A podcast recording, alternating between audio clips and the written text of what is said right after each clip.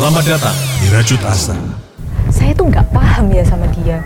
Udah punya kerjaan baik, gajinya bagus, tapi sekarang dia mau ngebuang itu semua dan keluar dari pekerjaannya. Nggak masuk akal banget kan? Karena penasaran, jadi saya minta dia cerita lebih jauh. Jadi kejadiannya tuh begini. Bosku tuh gak kompeten banget. Dia bener-bener gak ngerti gimana cara ngembangin bisnis. Dan kalian tahu, temen kantorku semuanya kasar dan gak bersahabat. Kalian percaya nggak? Mereka ngejauhin saya di kantor. Bodoh amat lah sama kerjaan ini. Bakat saya sia-sia waktu kerja di sini. Saya ini pantas kerja di perusahaan yang benar-benar menghargai bakat dan skill saya. Dan kalian tahu lebih buruknya lagi, saya ngalamin ini 12 kali selama 10 tahun terakhir.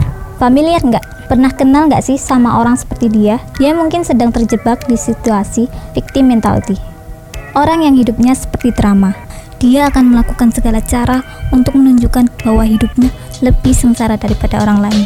Dan kayaknya mereka nggak pernah lelah untuk kasih tahu siapa pun yang akan mendengarkan situasi buruk mereka. Kalau kalian pernah ngalamin ketidakberuntungan untuk menghabiskan waktu di sekitar orang yang punya pola pikir victim mentality, mungkin kalian sadar kalau mereka beda dari kebanyakan orang dalam beberapa hal.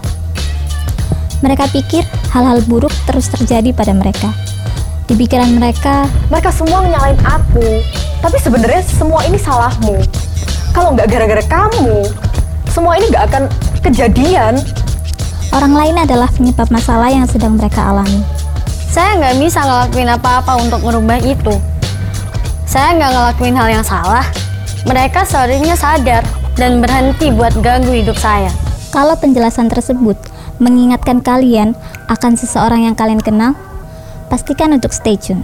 Saya akan fokus pada topik victim mentality, yaitu dari mana asalnya, gimana menghadapinya, apa yang harus dilakukan kalau ada orang yang berpola pikir victim mentality di sekitar kalian, dan strategi untuk ngembangin pola pikir yang lebih produktif.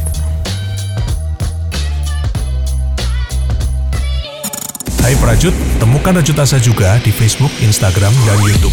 Sampai ketemu lagi para Prajut. See you!